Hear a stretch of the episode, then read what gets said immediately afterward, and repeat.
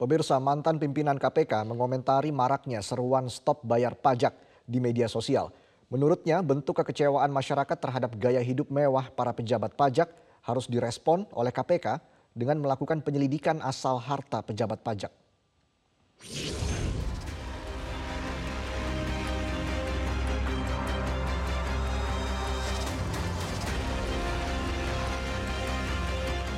Fenomena hidup bergelimang harta pejabat negara telah membuat rakyat jengah.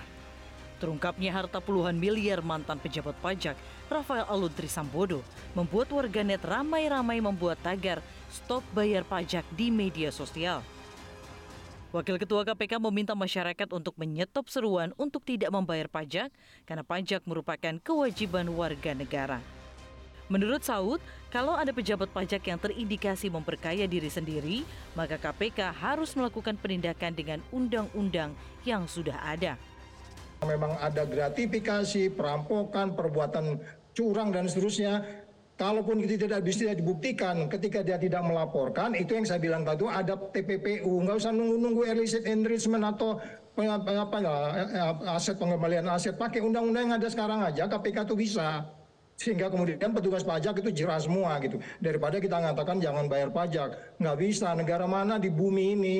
Itu pajak itu kehidupan oleh sebab itu kita sekali lagi cuman kan masyarakat kita bisa paham kecewa benar dengan cara menata pajak seperti ini. Tidak berintegritas sama sekali. Dirjen Pajak Kementerian Keuangan Suryo Utomo meminta masyarakat untuk memisahkan antara kasus Rafael dengan sistem pelayanan pajak. Menurutnya, kasus Rafael sudah ditangani oleh KPK dan Inspektorat Kementerian Keuangan. Sementara sistem pajak harus tetap berjalan sebagai sumber penerimaan negara.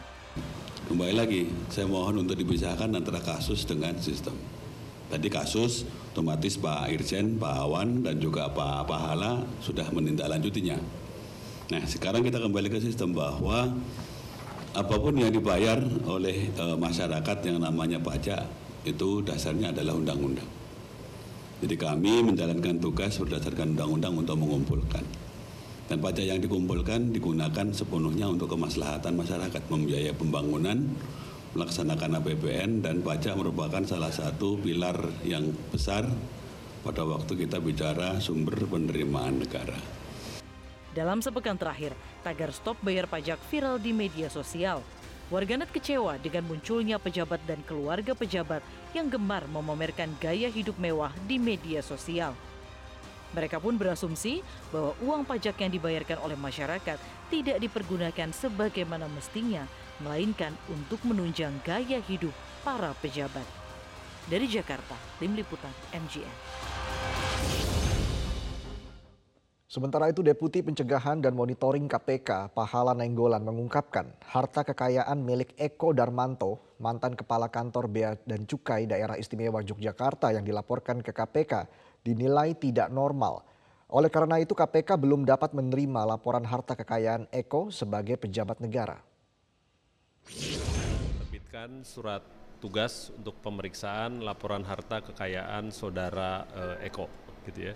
Dan itu artinya hari ini juga kita buka eh, jaringan data kita ke BPN, ke perbankan, ke asuransi, eh, semua yang kita punya jaringan data untuk tujuannya memastikan bahwa yang ada di laporan itu sudah semua harta beliau gitu ya jadi itu tujuannya tapi yang berikutnya Eh, kalau kita klarifikasi beliau yang sebenarnya kita mau tanyakan sebenarnya beberapa item yang ada di sana. Misalnya dia punya harta pendanaannya dari mana?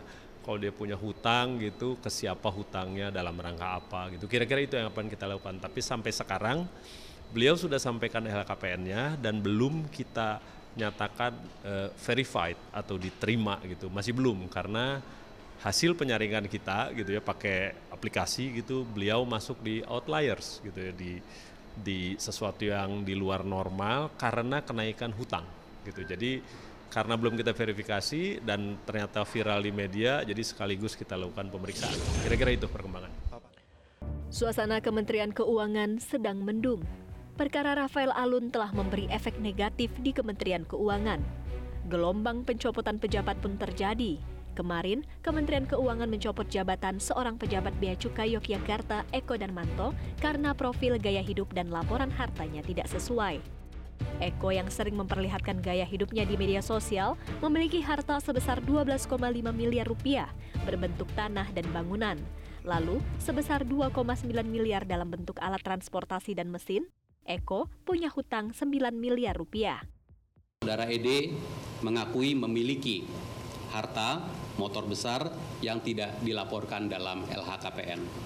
Karena itu, saya telah menginstruksikan kepada tim Inspektorat Jenderal Kementerian Keuangan bersama Direktorat Jenderal Bea dan Cukai untuk menindaklanjuti dengan investigasi dan penelitian lebih lanjut atas perilaku, kecocokan harta, dan utang dalam LHKPN dicocokkan termasuk dengan laporan SPT pajaknya serta mendalami pelanggaran etika dan disiplin saudara ED. Di tengah pencopotan Eko, kemarin KPK juga memeriksa Rafael Aluntri Sambodo selama 9 jam. Rafael diperiksa terkait profil hartanya diduga tidak sesuai dengan jabatannya. KPK mengendus ada banyak pejabat di Kementerian Keuangan memiliki harta di luar profilnya. Kalau dibilang geng ya bukan geng kayak anak SMP ngumpul-ngumpul enggak. Kita dapat informasi aja si ini nih sama si ini si ini. Kita lihat oh iya perjalanan karirnya nyambung di beberapa tempat. Misalnya itu yang saya maksud geng. Jadi jangan dianggap geng dia berkomplot nggak juga lah gitu. Tapi ada polanya yang kita lihat. Oleh karena itu kita sangat penting untuk lihat gimana sih polanya ini. Kayak PPTK bilang pakai orang lain. Baik kita kita lihat bener nggak? Pakai nama lain atau pakai PT nggak tahu kita dan kalau dibilang nggak boleh mewah kita nggak urus lah main itulah. Pokoknya kalau hartanya tinggi boleh asal asalnya jelas. Nah ini kita mau lihat asalnya. Kalau ini kita dapat polanya saya sih dengan teman-teman juga pengen bener gitu kan. Ini gimana kayak yang saya sebut dalam tanda kutip geng itu juga bisa kita capture lewat pola yang udah jelas. Saya pikir itu ya. Jadi tapi, apakah pemeriksaan Rafael dan Eko efektif membongkar modus pengumpulan harta para penyelenggara negara? Pengamat kebijakan publik Ahmad Nur Hidayat sanksi hal tersebut akan terjadi. Dengan perpajakan kita itu menjadi penyidik, menjadi penuntut, dan menjadi hakim sekaligus Itu kan wajar. di dalam satu departemen. Ya. Tidak wajar, Bang. Kenapa? Karena dia yang menyidiki, dia yang menuntut, dia juga hakimnya. Ya. Kan dia bisa melakukan istilahnya adalah permainan di balik layar. Ya. Sehingga kemudian kalau dia eh, apa kemudian pemberi- eh, permainan balik layar ini tidak diikuti, si wajib pajak ini akan dikenakan biaya pajak yang tinggi. Oke, kita kita lanjut. Perkara Rafael Alun dan Eko Darmanto sebenarnya bukanlah kisah baru harta pegawai Kementerian Keuangan. Sebelumnya sudah ada Gayus Tambunan yang menghebohkan di tahun 2010 dan 2011.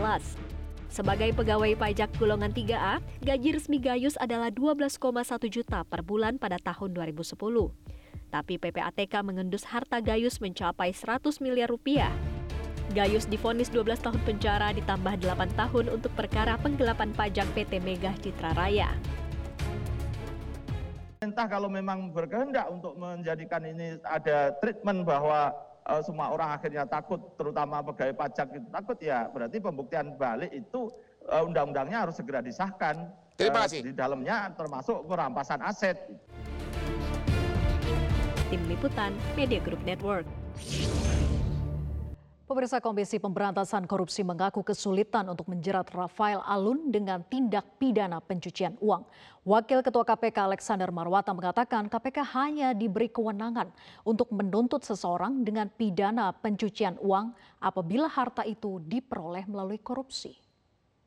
Kita memang diberi kewenangan untuk melakukan penuntutan tindak pidana pencucian uang, tapi dengan syarat pidana asalnya berasal dari korupsi. Kan begitu. Kalau kita tiba-tiba langsung mela- melakukan TPPU ya, kemudian kita nggak tahu uang yang dicuci itu dari kejahatan apa, nah, ya sulit juga kita. Kalau di sidang misalnya, oh ternyata bukan dari korupsi, ternyata misalnya dari dari jual beli narkoba, dari human trafficking, kan bukan kewenangan kami untuk melakukan penindakan perkara TPPU kalau pidana asalnya bukan dari korupsi.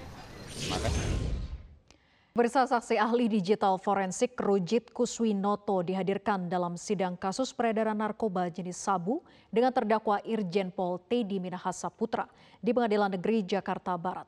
Pada persidangan itu ahli menampilkan percakapan penting antara terdakwa dengan AKBP Dodi Prawira Negara soal percakapan penggantian barang bukti sabu dengan tawas. Awalnya saksi ahli digital forensik Rujit Kuswinoto memperlihatkan soft copy DVD berisikan pemeriksaan digital forensik, salah satunya soal isi chat di barang bukti ponsel yang disita dari AKBP Dodi. Percakapan soal penggantian barang bukti dengan tawas tercatat pada 17 Mei 2022 pukul 17 lewat 21. Saat itu mantan Kapolda Sumatera Barat meminta sebagian barang bukti diganti dengan tawas, namun dibalas dengan ketidaksanggupan oleh AKBP Dodi. Sementara pada persidangan sebelumnya terdakwa Teddy membantah tak pernah memerintahkan Dodi menukar barang bukti sabu dengan tawas pada Rabu 1 Maret lalu. Tanggal 20 di tanggal 17 bulan Mei 2022 jam 13.21 detik 36. Pesan conversation di awal dari IJP Teddy Minahasa SIK. Isi pesan sebagian BB diganti terawas. Emoticon tertawa dalam kurung buat bonus untuk anggota.